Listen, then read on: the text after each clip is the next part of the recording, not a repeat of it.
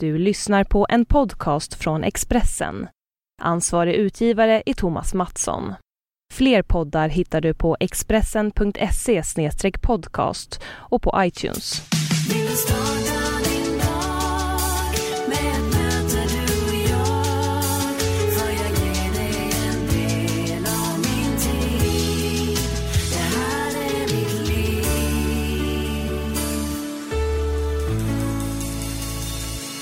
Varmt välkommen till Livshjulet och avsnitt 129. Du lyssnar på mig, Anna Hegerstrand och den här veckan träffar jag Gudrun Schyman. Gudrun har ett livshjul som snurrar väldigt snabbt och trots att schemat ofta är fullt så har hon en otrolig energi som verkligen smittar av sig. I veckans avsnitt berättar hon bland annat om var och hur hon tankar sin energi. Och mig hittar du på sociala medier där jag heter att Anna Hegerstrand på Instagram. Och på min blogg på expressen.se Anna Hegerstrand får du en inblick i mitt livshjul. Och just nu är det tårtbitarna bostad och hälsa som står i fokus där. Podden är ett samarbete med Expressen och du lyssnar på den via Expressen.se i Acast-appen eller på iTunes. Nu kommer Gudrun Schymans livshjul, varsågod. Välkommen hit. Tack så mycket. Måndag morgon. Ja. Stark start på veckan och sitta och prata en timme om sig själv. Ja, varför inte? Men det är ju, alltså morgonen har ju pågått ett tag. Jag är morgonmänniska. Jag stiger gärna upp tidigt. Nu problemet är att nätterna gärna blir lite för korta. När man tycker om att gå upp tidigt så borde man också kunna gå och lägga sig tidigt. Och det är det svåra. Alltså? Vad snittar du på då? Nej, men jag kanske lägger mig vid 11-12. Jag försöker alltid vara i säng före klockan 12. Men sen går jag ofta upp vid 5-6. Har du alltid eh, sovit så lite? Eller det just nu? Den... Jag inte. Nej, men under ganska lång tid. Alltså får jag 5-6 timmar är det jag sover. Men eh, sen kan jag ju unna mig när jag är ledig någon söndag. så kan jag unna mig och då går jag upp som vanligt. Eh, och äter frukost och läser tidningen och så. Och sen går jag och lägger mig igen. Det är lyxen i tillvaron för mig. Det är att kunna krypa ner och säga nej jag drar mig en stund. Och så kanske jag somnar om och sover en timme till. Hur många sådana söndagar finns det i ditt liv? Ja, just nu är de alldeles för få ska jag säga. Men under sommaren hade jag lite söndagar. Vad har du för dig nu? Du har varit uppe i, i Stockholm över helgen och varit ute bland annat på Åland sa du? Ja, jag medverkar i en föreställning som heter Ladies Fight. Som är ett svar kan man väl säga på en föreställning som heter Ladies Night. Som det är män som åker runt och har en show för framförallt kvinnor. Rätt macho så. Och eh, då var det ju en del Eh, det är ståuppkomik alltså och det var en del kvinnor som reagerade mot det där. Tyckte det kändes väldigt eh, gammaldags helt enkelt. Och då så drog de ihop till någonting då som heter Ladies Fight. Och då är det bara eh, kvinnor, stå, ståuppare, komiker. Och så är det jag som medverkar i ett scensamtal för att prata om feminism och jämställdhet. Och det där är väldigt lyckat. Så vi har varit på, jag har varit med i Stockholm, och Göteborg och eh, i Malmö. Och, och, i publiken på Stockholmsföreställningen så var det en man som är väldigt samhällspolitiskt aktiv på Åland som tyckte att det där borde ni komma till Mariehamn med. Så det, har vi, det gjorde vi i lördags. Det var succé. Jättekul. Sen så hade jag möten igår, var det söndag, så var det möten med människor som arbetar inom Feministiskt initiativ eller är intresserade av att göra det. Eh, det, handlade om kultur. Vi behöver förnya kulturpolitiken i samhället. Vi behöver få en bättre plattform som utgångspunkt för att eh, forma politik på olika områden. Men eh, vi behöver redovisa en mer sammanhållen och ehm, medveten kulturpolitisk idé i samhället idag. Så det, då hade vi samlat en massa människor för att diskutera detta och sen kommer det att fortsätta en sån diskussion. Så det höll jag på så att jag, man kan väl säga så här, jag brukar kalla mig för frilansfeminist. och det betyder att jag, jag, jag går ju på två ben. Alltså jag har ju den professionella sidan som är föreläsningar och utbildningar. Jag har ledarskapsutbildning och sådana saker. Och sen så har jag då den politiska sidan där jag jobbar. Jag är ju partiledare för Feministiskt initiativ. Så att eh, jag går på två ben och be, befinner mig i ständig rörelse. Mm. Åker runt, runt, runt. Och just den här månaden så firar ni ett år. Eh, det var någon hashtag på Instagram. Ett rosa år. Ja, Feministiskt initiativ. det är, vi firar ju att vi har suttit i en eh, stor mängd parlament i ett år. Det är som förra valet. Vi gjorde ett fantastiskt genombrott förra valet och kom ju inte riktigt ända fram till riksdagen men nästan. Men vi kom ju in i väldigt många kommunfullmäktigeförsamlingar i alla storstäder. Stockholm, Göteborg, Malmö, Uppsala, Norrköping. Ehm, men också i sådana mera oväntade orter som Kiruna till exempel. Mm. Eh, och eh, Sala och en liten kommun som heter Gullspång. och sen är vi ju också i, eh, i det lokala parlamentet i Simrishamn. Det är vi ända sedan 2010. Men det här genombrottet då eh, har vi gjort en, en eh, liten kavalkad över vad, vad händer då när feminister kommer in i parlamentet. Oj. Annars så har vi hållit på i tio år, Ja och jag vet att du tycker att det har tagit, du trodde att det skulle gå lite lättare. fortare. Ja, lite fortare. Ja. Eh, och att det har tagit längre tid. Är du nöjd där ni är idag? Nej, vi ska en bit till. Mm. Absolut. I nästa val, eh, 2018, så ska vi in i riksdagen också. Och i betydligt fler kommuner och landsting. Tror du att ni kommer komma in i riksdagen? Ja, det är rätt övertygad om faktiskt. Vi fick ju 3,12 eh, procent i förra valet. Och, och tittar man bakåt hur det ser ut när nya partier tar sig in så ser man dels att det tar väldigt lång tid och dels att har man fått över 2 procent i ett tidigare riksdagsval så kommer man in i nästa. Eh, och det vi har tittat på är ju framförallt eh, hur, hur gick det när Miljöpartiet etablerade sig.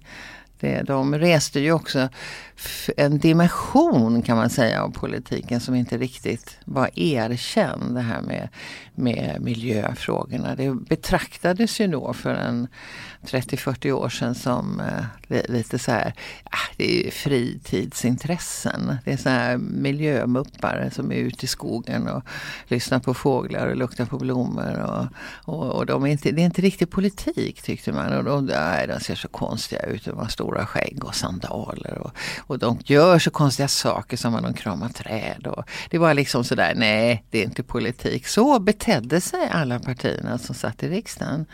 Eh, och så sa alla också, i den mån det är politik så har vi den. Det behövs absolut ingen nytt parti här. Så, så var tongångarna då. Eh, och miljöpartisterna gav sig ju inte. Eh, det här var 1980, de började då som en reaktion emot den politiska manipulationen omkring kärnkraftsfrågan. Men eh, de, de gav sig ju inte och det var ju väldigt bra. Men det, alltså, de kom ju inte in första gången, inte andra gången. De kom in tredje gången, det var lite yvigt. De åkte ut fjärde gången och kom in igen femte gången. Och eh, det visar på hur lång tid det tar. Men det som hände då när de kom in det var ju att alla fick läsa på. Så kunskapen om de här frågorna som har att göra med hållbarhet ökade i alla partier och i politiken i stort. Och idag är det ju ingen som skulle eh, påstå att det här med miljö och hållbarhet är något friluftsintresse.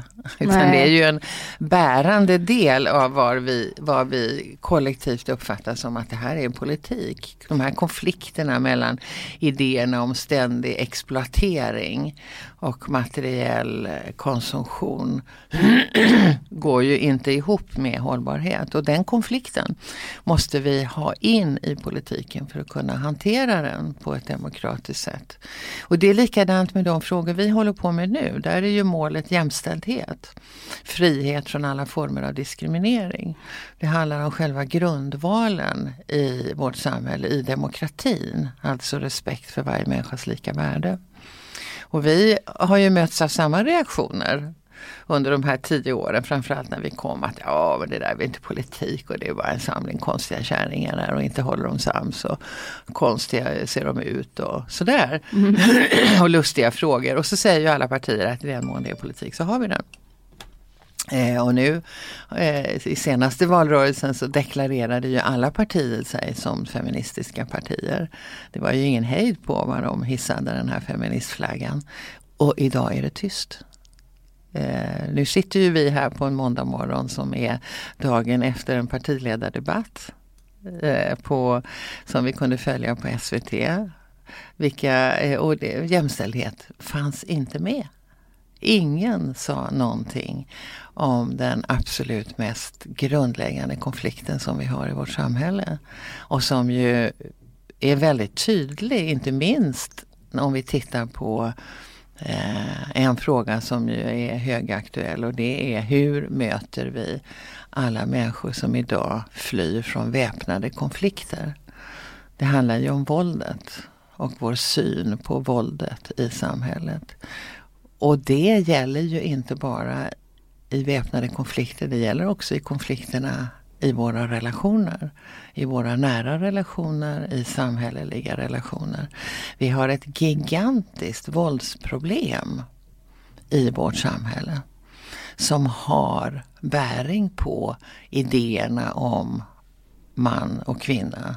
Att män ska beskydda kvinnor och barn och med vapen i hand också territorier, alltså landområden. Och det har kopplingar till nationalismen, till idéer om maskulinitet och militarism. Och allt detta hänger ihop.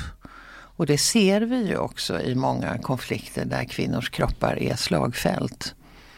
Och det finns en systematik att man använder kvinnor, skändar kvinnor som ett led i krigföringen.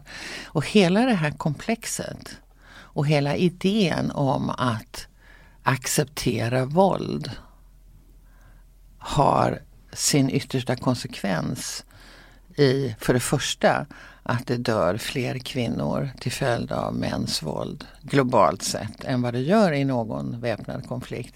Men eh, för det andra så ser vi ju nu de här gigantiska eh, folkrörelserna, människor som flyr från väpnat våld.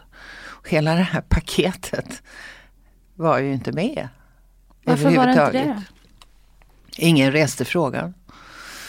Och politik handlar ju väldigt mycket om problemformulering. Vem har initiativet att formulera vad som är problemen? För det ger ju sen hela samtalet och diskussionen. Och synliggör vi inte den här grundläggande konflikten, synliggör vi inte att det är väldigt olika för oss som individer i samhället beroende på vilket kön vi har. Och hudfärg, hårfärg, Eh, funktionalitet, sexualitet.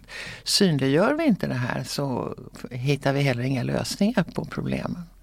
Eh, och det var så otroligt uppenbart igår att det fanns ingen som överhuvudtaget tog upp den här frågan. Om, om, om vi tittar på de människor som kommer hit nu som, som flyr undan det väpnade våldet. Eh, så, så har de väldigt olika situationer också. Under hela flyktvägen. Är du kvinna så blir du oerhört ansatt och eh, eh, utnyttjad i hela flyktprocessen och också i asylprocesserna. Väldigt många kvinnor vittnar ju om eh, sexuella trakasserier och våldtäkter och sexistiskt bemötande och så. Det finns en sårbarhet eh, som är, skiljer sig från den situationen som män har.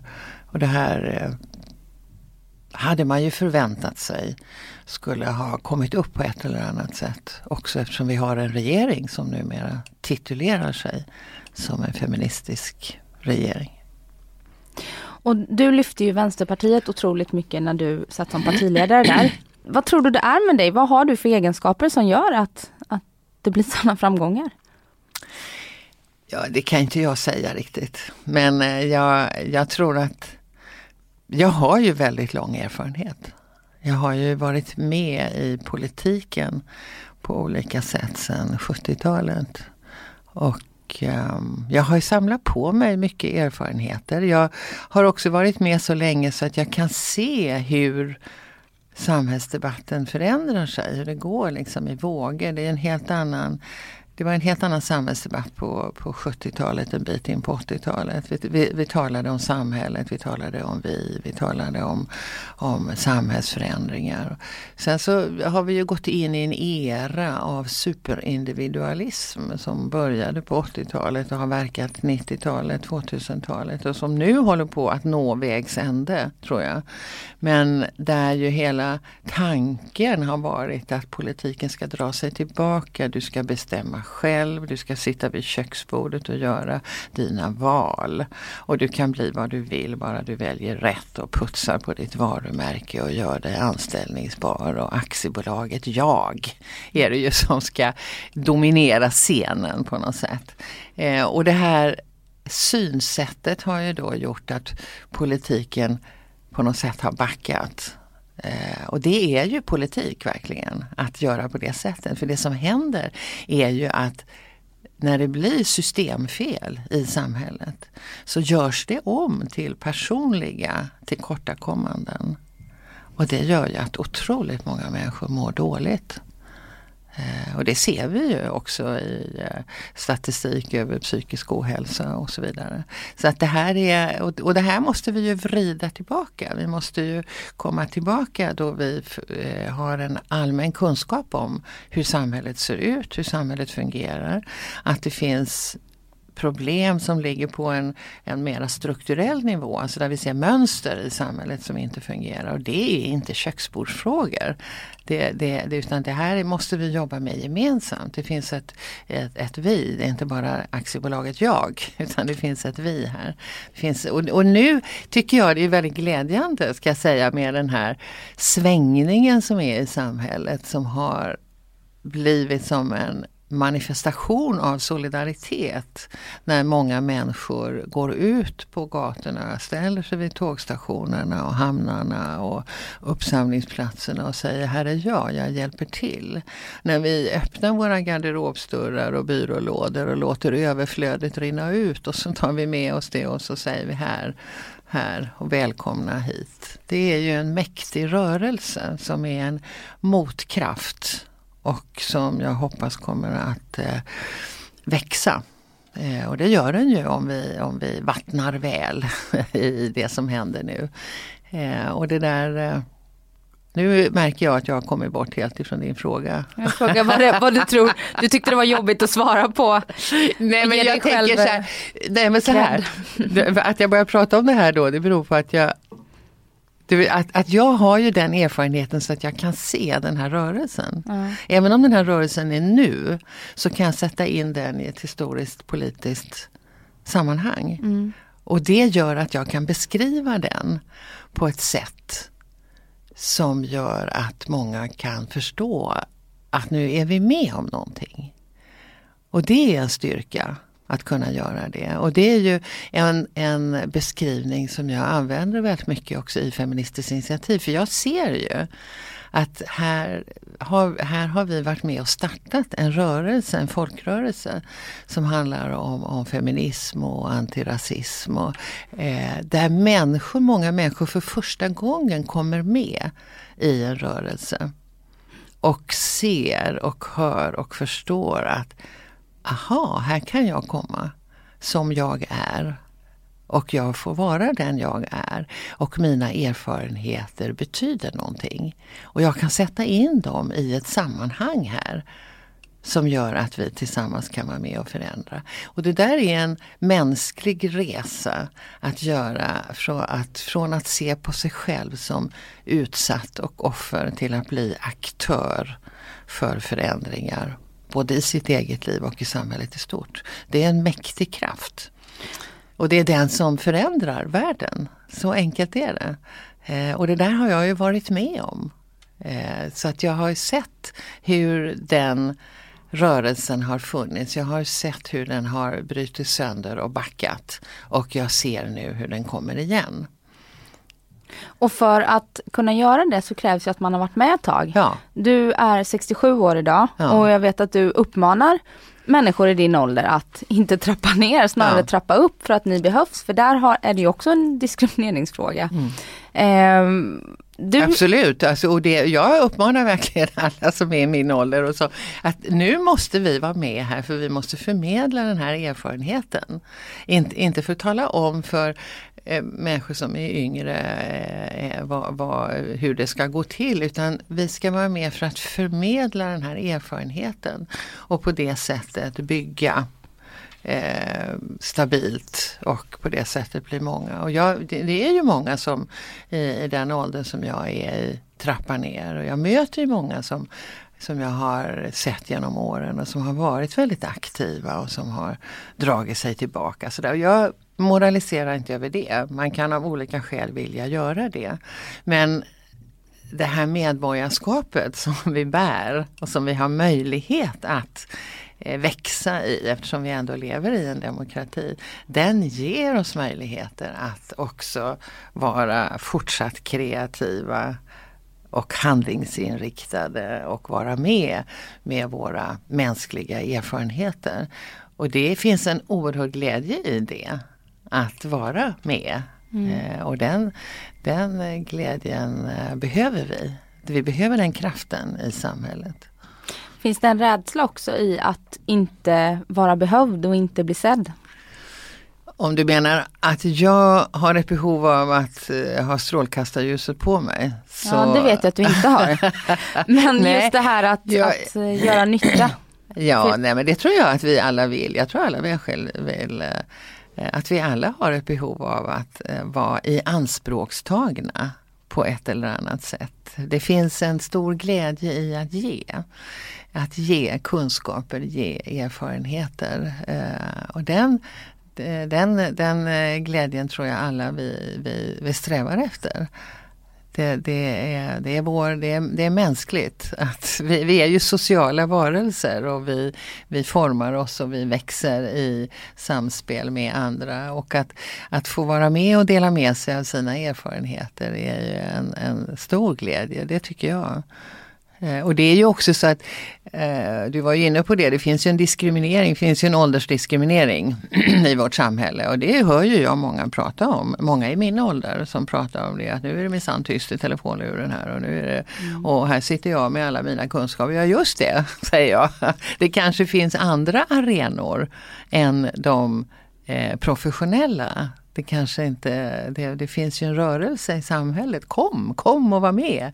Eh, Eh, och det, det, och det, det här går ju också tillbaka på att det finns den här fördomen om att när man är gammal, när man blir äldre så, så, så blir man trög och, och man liksom tappar gnistan eller man, vad det nu är, det går sakta och man förstår sig inte på det nya. Och så det där är ju, det är ju massa fördomar.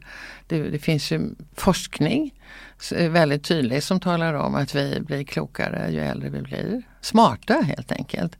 Vi, det, det kopplas snabbare mellan hjärnhalvorna. Tjoff, tjoff, tjoff, tjoff säger det där uppe. Och sen har vi ju stora arkiv bakåt här i huvudet som vi bär med oss av vår långa livserfarenhet. Så när alltihopa det där kopplas ihop så rasslar det till och så blir det ju lysande analyser av läget helt enkelt. På ett sätt som inte är möjligt för en ung människa. För att den livskunskapen saknas. Och när det här får brytas den, eh, med, över generationsgränser så blir det ju väldigt, väldigt spännande. Och forskningen säger också att vi lär oss nytt. Att det är inte så att liksom hjärnan har stannat av på något sätt. Utan det håller vi, håller vi igång, vi lär oss nytt hela tiden. Och, och, och för, jag brukar säga till kvinnor i min ålder så här, ja men alltså nu, du, vi, har inte, vi har inte försörjningsansvar som regel och vi är inte eh, upptagna med eh, att hålla igång så alla andra mår bra medan vi själva håller på att gå sönder. Utan nu har ju vi världens möjlighet här. Eh, och eh, vi är i en ålder då vi inte är rädda för någon. Och som kvinna så har vi erfarenheter av att levt ett liv där vi har att förhålla oss i väldigt hög grad till andra och där det också finns en rädsla. Eh, och nu när vi är i den här magnifika åldern så är vi faktiskt inte rädda för någon. Och då kan man ta i. då kan man höja rösten lite extra, tycker jag. Och du lever ju i en relation med din sambo, Jacques, Mm, mm. sen 12-13 år tillbaka. Ja, något sånt. är det? Och jag vet att du har sagt att när du träffade honom, det var första gången som du eh, kunde säga jag älskar dig till, till en man. Mm. Och att ni lever, att det var första gången du levde med någon som du kände dig helt, att det var villkorslöst. Och att ni utvecklades som individer och därför växte väldigt Mm. starkt ihop. Ehm, och det var ju också bara något år efter det som du började engagera dig i Fi. Ja, Stämmer det? Jaha, nej. När vi träffades, eh, Jacques och jag, så var jag fortfarande partiledare i Vänsterpartiet. Mm. Men den här processen som ju då ledde till att jag avgick som partiledare, den, den var väldigt ny då. Eh, så, att han, så Jacques har varit med i hela den här resan av att jag lämnade Vänsterpartiet, att jag satt kvar som politisk vilde och att jag gick ut i rätt förutsättningslösa samtal med feminister. Och sen resulterade det i bildandet utav Feministiskt initiativ. Jacques var fortfarande kvar i Frankrike då, han bodde ju där när vi träffades. Men han, han har varit med i den här processen. Eh, och, ehm, och det är helt sant eh, det du säger att, att eh, eh, jag har beskrivit, och jag beskriver det som att det är den första relation med en man som jag lever i på ett så eh, vad ska jag säga, förutsättning, alltså sånt, sånt fritt sätt. att jag, eh, jag, vi vi eh, har inte krav på varandra som, gör, som begränsar på något sätt. Eh, och det, jag, jag tror att, alltså jag har ju levt i flera relationer, både korta och långa, men jag har åtminstone tre långa relationer under äktenskapsliknande former får man säga när man delar hus och hem och, och så. Och eh, jag har ju lämnat de relationerna eh, av olika skäl men det gemensamma som jag ser är ju att jag, jag har lämnat för att jag jag har inte fått ihop det helt enkelt med det jag vill göra också. Jag, har ju ble, jag blev en, en fena på att eh, göra, se till att få allting ordnat på hemmaplan så jag skulle kunna åka iväg och göra det jag ville göra. Alltså det här med att eh, det ska inte synas att jag åker, det ska inte märkas att jag åker, det ska inte märkas att jag kommer tillbaka för allting ska fungera ändå. När det gäller det här praktiska och rollfördelningen. Eh, Du har tagit hela det ansvaret. Jag har tagit väldigt mycket av det ansvaret eh, och säkert har vi inte samma syn på det jag och mina före detta män eh, som jag har levt med. Men, men för mig har det väldigt ofta handlat om den här konflikten mellan att eh, fylla en mer traditionell kvinnoroll och att samtidigt vara självständig och få göra det jag vill.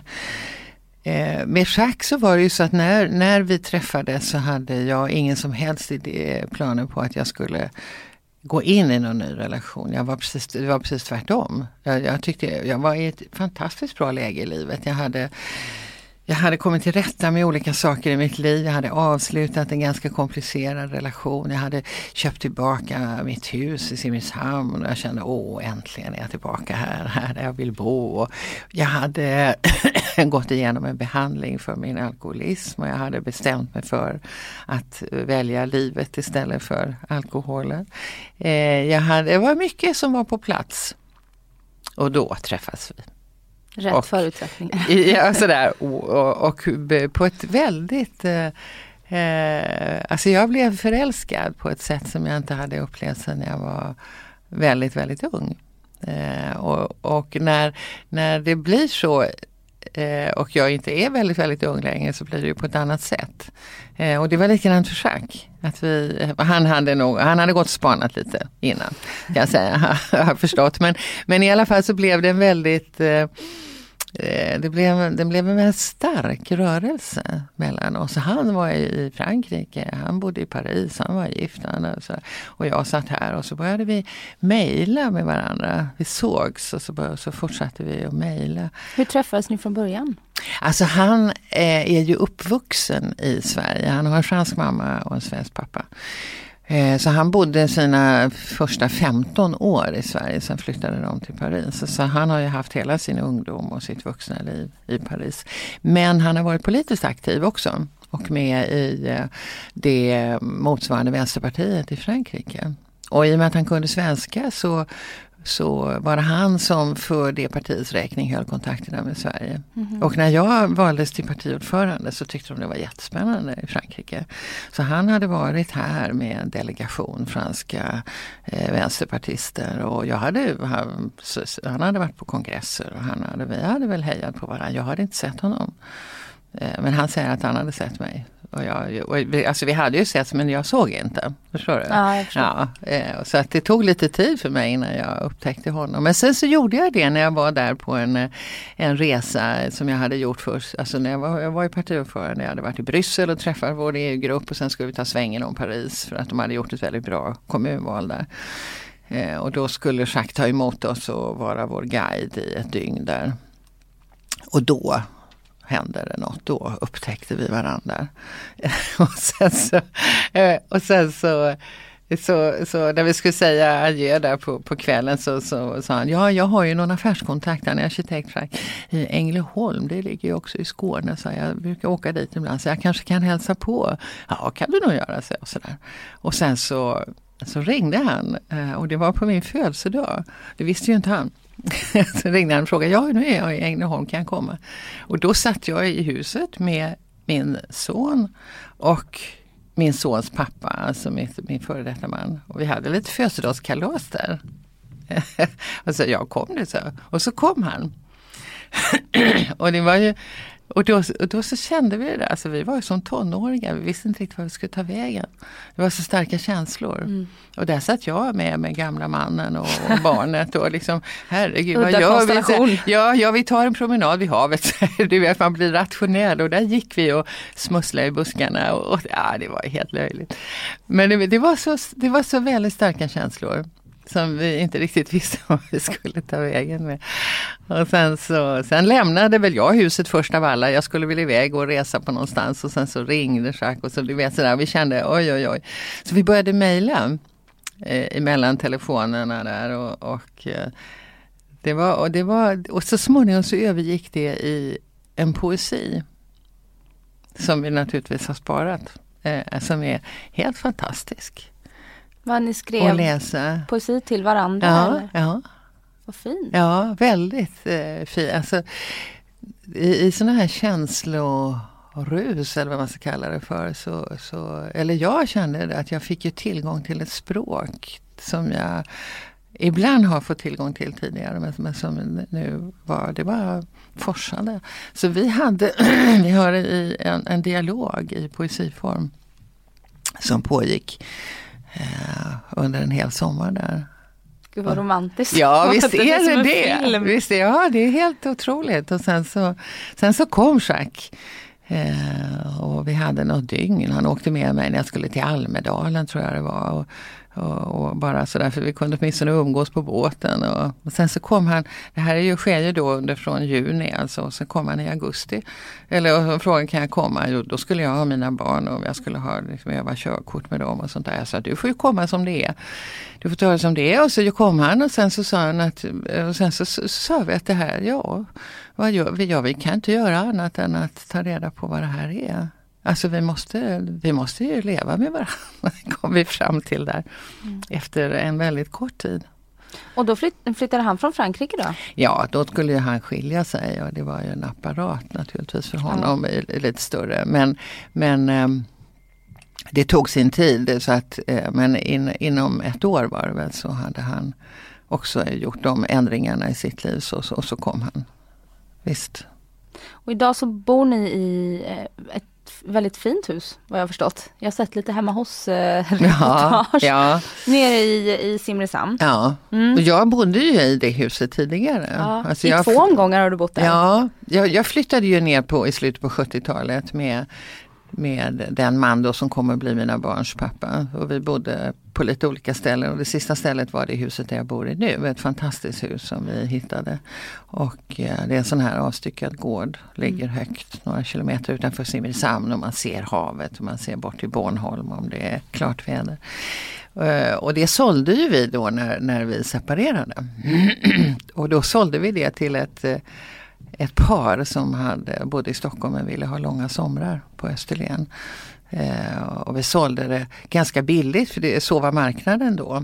Och när jag sen ville tillbaka, det här var ju då i slutet på 90-talet, barnen hade blivit stora, jag behövde inte förhålla mig till till eh, skolor och sådana saker. Och eh, jag satt då i riksdagen så att jag kunde ju flytta eh, och bo på andra ställen. Och då, då, jag har alltid åkt tillbaka på somrarna. För jag har känt att nej, men det, det, här, om, det här, den här geografin, det här ljuset, det här lugnet, den här eh, sätta fötterna på marken, fingrarna i jorden. Jag behöver det. Ja, för, för du är uppvuxen i Täby och är liksom stockholmare och så bodde Ja. du tio år däremellan. Ja. Hur kommer det sig, vad var det som drog dig till just Skåne? Alltså första gången när jag Ja. flyttade ner på 70-talet där, då hade jag ingen aning om vad det var. Då, Nej. då hade Lasse, som mina barns pappa heter, eh, och jag bestämt oss för att lämna stan för vi skulle egentligen flytta till Norrland. Där kom han ifrån. Eh, och så blev det konflikter där vi skulle flytta så att det blev inte av. Och så stod vi här. Och så mm, kände han en, en eh, person som hade ett hus där nere som de hade på sommaren och de ville kanske sälja det. Och då sa vi att ja men då flyttar, då hyr vi det ett år. Och så ser vi hur det är att bo där nere och de skulle känna efter hur det var att vara utan det där huset. Så vi borrade ner oss i myllan där och sa att här vill vi stanna. Eh, jag hade inte alls varit i det där landskapet tidigare men jag, jag blev väldigt förtjust. Måste jag säga. Så sen kom vi ju bo där i tio år och sen så när vi skilde oss så flyttade jag tillbaka till Stockholm. Och sen när jag kände att jag kunde flytta tillbaka då ringde jag upp de här som hade köpt huset och frågade om de var färdiga. Och det var de? Och det var de. Det var helt märkligt. Det var, jag, jag, jag tänkte så här, jag frågade grann, jag frågade runt, så här, känner ni till hur det är? Så, nej men de har ju blivit äldre. De hade ju blivit tio år äldre, de var ju pensionärer när de flyttade ner. Och så jag tänkte, nej, jag får ju ringa. Så jag ringde och sa, ja, åh, att du ringer nu, det är ju för märkligt. Så vi har precis eh, pratat med varandra och sagt att vi orkar ju inte hålla det här längre. Det är rätt stort och mycket och mark och gamla lador. Och, nej, vi har blivit sjuka och det är lungorna och det är allt möjligt och det är ambulanser och det, det går inte. Eh, så vi hade tänkt att sälja det till våren. Det här var september. Så jag, vänta inte på det, jag kommer. Så jag flög ner fort eh, och åkte dit. Och så gjorde vi upp om att jag skulle köpa tillbaka. Gick på köpa tillbaka det lite dyrare förstår jag. Lite, fast väldigt lite. Det är också märkligt för det var en helt annan marknad då. Det hade gått tio år och då priserna hade gått upp. Eh, och jag sa till dem som det var, ni kan begära vad ni vill. För att jag vill tillbaka. Det här har en gång varit mitt ställe. Jag har jättemycket känslor laddat här. Och jag vill tillbaka. Så att jag kommer att ordna det. Säg vad ni vill ha och jag säger ja. Och så säger de, "Mm, ja men vi behöver inte, vi är så pass gamla nu och vi behöver inte lägga några pengar på hög. Så att om vi får det vi gav plus att vi har då borrat brunnen djupare och lagt nytt tak så räcker det. Och det innebar i praktiken halva priset av det de hade kunnat ta ut. Så det var ju ja, det var en riktigt sån här lyckohistoria. Ja, ibland ska man ha tur. Ja. ja. Så att jag är tillbaka och det var så roligt för att alla blev ju glada. Grannarna blev ju glada för att jag hade sedan gammalt ett samarbete med bonden där som att, att får köra genom gården och ta vatten till djuren och du vet el till stängslen och så. Och det hade de här som tog över fortsatt. Men hade det kommit någon annan som skulle spärra av och stänga av och sätta upp skyltar med privat, liksom, då, hade- då blev det varit jobbigt. Så att de var så glada och mina barn var glada. De fick tillbaka sitt barndomshem och alla var glada. Mm. Och nu bor ni där och jag har ju bjudit hit dig idag eh, med anledning av att det är oktober och den är rosa månad, inte bara för ert parti. Eh, utan man uppmärksammar, uppmärksammar bröstcancer. Mm. Och du är ju med i Rosa kokboken. Ja, Den andra rosa kokboken som Anna Benson då, min journalistkollega heter, som Just hon det. gör. Eh, hur kommer det sig att, att du fick vara med? För du har inga personliga erfarenheter av, av Nej. cancer. jag har ju inte det. Jag, är ju, jag har inte det i släkten heller. Så att jag är ju lyckligt lottad får man ju säga. Eh, men jag har ju vänner, väldigt nära vänner som har eh, eh, haft cancer och som har dött i cancer. Eh, en ehm, kvinna som var min barnmorska. Signe Jansson hette hon. Eh, som eh, hade alla möjliga sjukdomar och hon, hade, hon fick också bröstcancer. Eh, så, och jag följde henne ganska mycket då.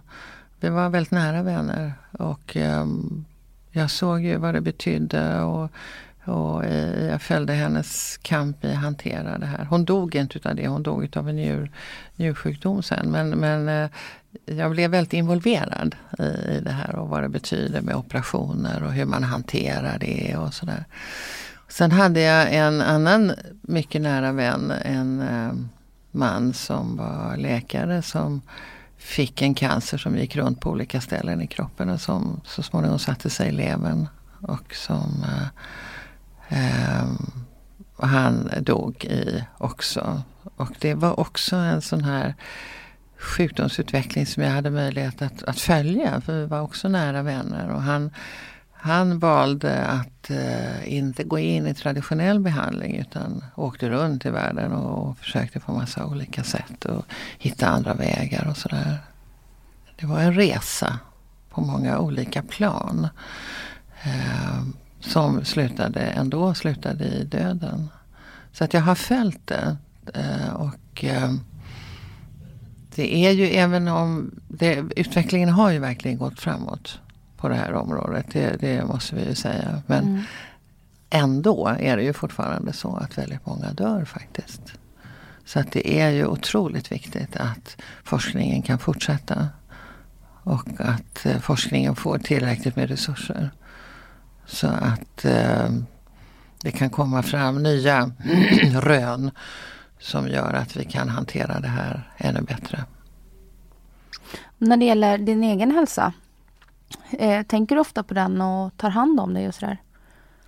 Ja, säger jag. Jag drar ju lite på det som du hör. Den allra största insatsen som jag har gjort för min egen hälsa det är att jag har slutat att dricka sprit. Mm. Alkoholism är ju också en sjukdom som ofta leder till döden. Och eh, där, kan man ju, där finns det ju inte någon, vad ska jag säga, några andra mediciner att ta än att eh, själv sätta stopp genom att sluta att dricka. Eh, och det beslutet fattade ju jag en gång efter att jag hade haft en lång väg dit. Och, och, och det beslutet är det absolut klokaste jag har tagit i hela mitt liv. Eh. Och då måste jag bara fråga, för din pappa dog ju ja. till följd av sin alkoholism. Ja, och många utav hans syskon. Ja. Nästan allihopa. Och det är ju ärftligt. Absolut. Har du varit orolig när det gäller dina barn? Ja, jag har pratat med dem just för det här. För att jag, jag var ju så korkad själv att jag inte insåg att jag skulle naturligtvis vara vaksam på det här. Eh, man kanske inte pratar om det så mycket heller? Nej det gör man inte. Det beror ju på att det är så, så skam och skuldbelagt på alla olika plan detta med alkoholism. Och jag är alltså det, det, jag, för, för mig fick det nästan tvärtom en, en idé om att jag ska minsann visa att man kan dricka och vara som folk utan att bli alkoholist. Jag ska kunna dricka lika mycket som alla andra utan att bli alkoholist. Jag kanske till och med ska dricka mer än andra utan att bli alkoholist. Alltså man blir ju dum i huvudet mm. i sådana här processer. Eh, och eh, när jag pratar med mina barn, vilket jag har gjort lite då och då, så, så är det ju utifrån att ni vet ju om att det här också har en, en stark ärftlig belastning. Och de har ju sett mig och de har sett vad, hur jag har hanterat det här. Både dåligt och bra. Och um, de måste ha koll. Så att de är medvetna om detta. Eh, och eh, jag, jag, har inte, jag har inte sett några tendenser att de skulle ha, ha svårt att hantera det som jag har sett nu. Men jag, jag tycker alltid att det finns anledning att prata om det. Eh, precis som man pratar om andra saker man stoppar i sig. Det är ju, det är ju inte svårt eh, och det är ju inte sällan som människor pratar om rökning till exempel. Eh, det, det, gör vi ju öppet och fritt mm. att det är ju inte så klokt, det är inte så bra och, och så vidare och ska du inte sluta och, och så. Och det skulle man kunna göra om med alkoholen också. Mm. Man kan fråga sig alltid tycker jag, varför ska vi ha alkohol nu då? Istället för att de som inte vill ha ska vara tvungna att förklara sig. Alltså jag brukar säga att det finns två saker som är väldigt provocerande i vårt samhälle. Och det är en nykterist och en alkoholist. Mm. Det är nästan lika provocerande. Mm. Eh, och det visar ju på hur alkoholberoende vårt samhälle har blivit. Det här är ju en sam, ett, ett stort samhällsproblem. Det är ju enorma kostnader förknippat med allt, eh, alla alkoholrelaterade sjukdomar. Och också våldet i samhället. Som ju också, allting eskalerar ju mm. när det kommer med alkohol i bilden. Så att det här är ju ett problem som jag tycker att vi skulle prata mycket mer om. Men inte på den här individnivån. Alltså varför super Jeppe det där. Utan, utan eh, på den samhälleliga nivån. Mm. Vad, vad innebär det att vi har ett samhälle där idén är att det ska finnas sprit hela tiden överallt, alltid. Och att det ska vara en del av vårt, vårt uh, umgänge. Det, det sätter sina spår. Och det är ju inte bara för att uh, en del människor utvecklar en alkoholism utan även om man inte gör det så, så ställer det till en massa problem. Kan det inte hänga ihop med att människor har en väldigt stor press på sig idag? Och jo då. Och man slappnar ju av med alkohol. Alkohol är fantastiskt på det absolut. sättet att det, det, är ju en stämningshöjare och du slappnar ja. av. Och Alkoholen är ju det absolut snabbaste avslappningsmedlet som är legalt. Mm. Kan man ju säga. Så att det, det, visst, visst är det så. Men man kanske skulle eh, fråga sig då istället vad är det för press och vad är det för stress och hur ser det ut och, och hur skulle vi kunna åtgärda det på något annat sätt. Mm. Än att vi ska hälla i oss sprit för att kunna slappna av. För, för, att det är, det är ju väldigt kortsiktigt och det är ju oerhört destruktivt. Det är ju en flykt. Mm. Uh, och det kan ju blomma ut i sjukdom. Och det, kan ju, och det är ju en sjukdom som får väldigt stora konsekvenser för väldigt många runt omkring. Mm. Det är ju det det är inte bara, jag har inte bara mig själv att tänka på, min egen kropp, utan det är också alla relationer runt om. Och det är som jag sa gigantiska samhällskostnader. Men på andra sidan står ett väldigt mäktigt alkoholkapital. Alltså det är ju, det är ju mäktiga intressen som driver fram det här. Ja, absolut. Så är det ju. Och, och dina relationer? Hur har du hanterat liksom gentemot dina barn och vänner ja, kanske? Ja, jag har ju inte bytt liv på något särskilt dramatiskt sätt utan jag har ju fortsatt i princip samma liv fast utan sprit. Eh, och det, jag, eh, det tyngsta tycker jag i, eh, har ju varit att eh, förstå vidden av vad det här betydde i mina relationer till barnen. När jag var i, i behandling så, så fick jag ju försöka skala av vad var det som var viktigt. Jag var ju tvungen att komma fram till någon kärna av vad jag skulle ta ställning till. Om, om, om jag skulle bestämma mig för nu att jag skulle leva, det vill säga sluta dricka sprit. Var, varför skulle jag göra det? Vad, vad, vad var det som var så viktigt så att jag trodde att jag skulle kunna övervinna all den här skulden och skammen och, och brutna löften och relationer och så. Och då fanns där den kärnan som var just mina barn. Att få visa dem den kärlek som jag har till dem och som ingen annan kan visa dem. För att det är jag som har den här unika relationen. Att jag är deras mamma. Och betydelsen av det för mig att få göra det. Eh, och för dem att få uppleva det. Det var ju det som var kärnan i att jag vågade tro på att det skulle gå. Men det har varit eh, tungt. Det har varit ett, ett, ett, ehm, ett stort vad ska jag säga, jobb, men det låter det är ju inte jobb, men det är ju, det har, det, det har tagit tid. Eh, och det har varit ett bygge där man lägger liksom sten till sten på något sätt. Till att komma fram till det vi har idag som är väldigt fint. Eh, det, det, det är inte, jag tror inte att det är något, något av mina barn, jag har ju två som, som eh, går omkring längre och är oroliga. Det handlade mycket om det och det vet ju jag som barn till en alkoholist. Att den oron som jag som barn går med över vad som händer med föräldern. Den oron tär och den tar energi från det jag skulle behöva till min egen del.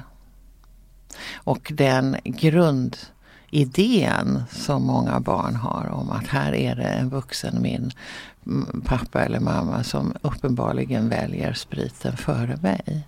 Det är så man ser det som barn. Mm. Den känslan av att vara ställd åt sidan är ju en väldigt grundläggande känsla som man bär med sig sen i livet. Eh, och det där, det där förstod ju inte jag hur det hängde ihop förrän jag själv var i den situationen. När jag visste att det är ju inte några rationella val. Om jag sitter i ett fast i ett beroende så är det så att då behöver min kropp den här spriten för att jag ska kunna leva.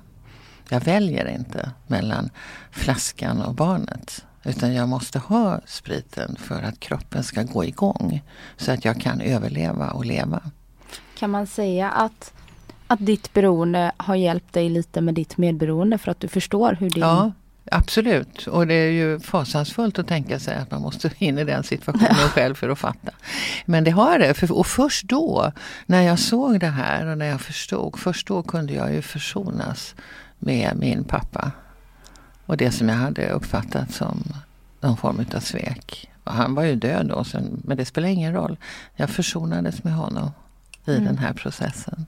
Och kunde sen bära den kärlek som jag vet att han hade till mig med mig på ett helt annat sätt än vad jag hade kunnat tidigare. Och det här kan ju jag prata med mina barn om. Och det är väldigt bra. Gudrun, jag hade velat prata väldigt mycket längre med dig men du har ett tåg att passa. Ja. Så att vi kommer behöva runda av här. Ja. Men var jättetack för att du tog dig tid att komma hit. Mitt i allt annat. Mm. Och lycka till nu med, med allting. Så uh, hoppas jag vi ses snart igen. Ja, tack ska du ha.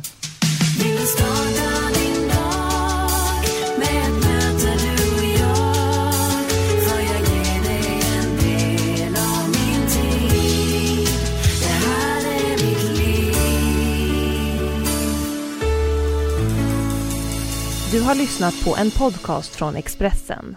Ansvarig utgivare är Thomas Mattsson. Fler poddar hittar du på expressen.se podcast och på iTunes.